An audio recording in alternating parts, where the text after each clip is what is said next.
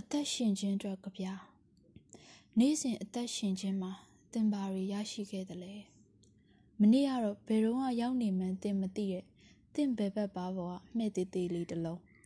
အဲ့ဒီမတိုင်ခင်နေ့ကသင်လက်ထဲမှာစုပ်ထားလျက်သာကင်းမျော်စဉ်ဘာသာရေးလက်ကမ်းကြော်ညာစာရီလွန်ခဲ့သောတစ်ပတ်လောက်တုန်းကတော့သင်ဟာရက်လွန်ကနီးနေတဲ့ဒင်ဂျင်ဘူးတချို့နဲ့အိမ်ပြန်လာတယ်ကောင်းသောနက်နက်ခင်းမှာမစ္စတာချောက်ကမ်းမကြီး ညကသူ့ရဲ့နောက်ဆုံးပရိပတ်ကိုစိတ်ပြီးသွားပါပြီကွန်ကရီနဲ့လှုပ်ထားတဲ့အေးဆက်ဆက်ခြေပမိုးအစုံသူ့နဖူးနဲ့ဖိပြီးလှိုက်လိုက်လဲလဲဥခိုက်တာလဲပြီးပြီးအဲ့ဒီယောက်ျားတနာတွေနိုသီးကောင်းတွေကိုလှဲ့လှဲ့ပြီးတချစ်ချစ်ရေဒီယိုလိုင်းဖမ်းနေတာလဲတိတ်သွားခဲ့ပြီကောင်းသောနက်နက်ခင်းမှာအတောင်တစ်ဖက်နာနေတဲ့သိန်းငါစာကလေးတွေတေးဆူနေတာကိုငေးလို့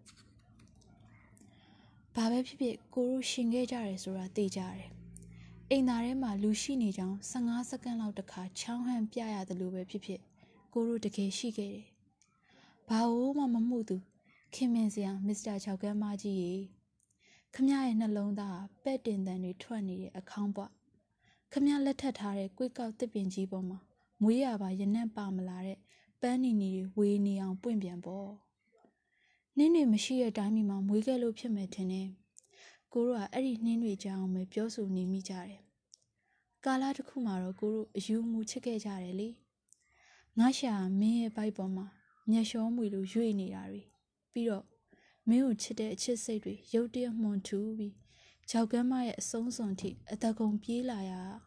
အမြဲအရှိန်လွန်နေတဲ့ငတုံးတုံလို့လေထဲမှာငါရက်နေမိတာတွေအောင်ခင်မြင့်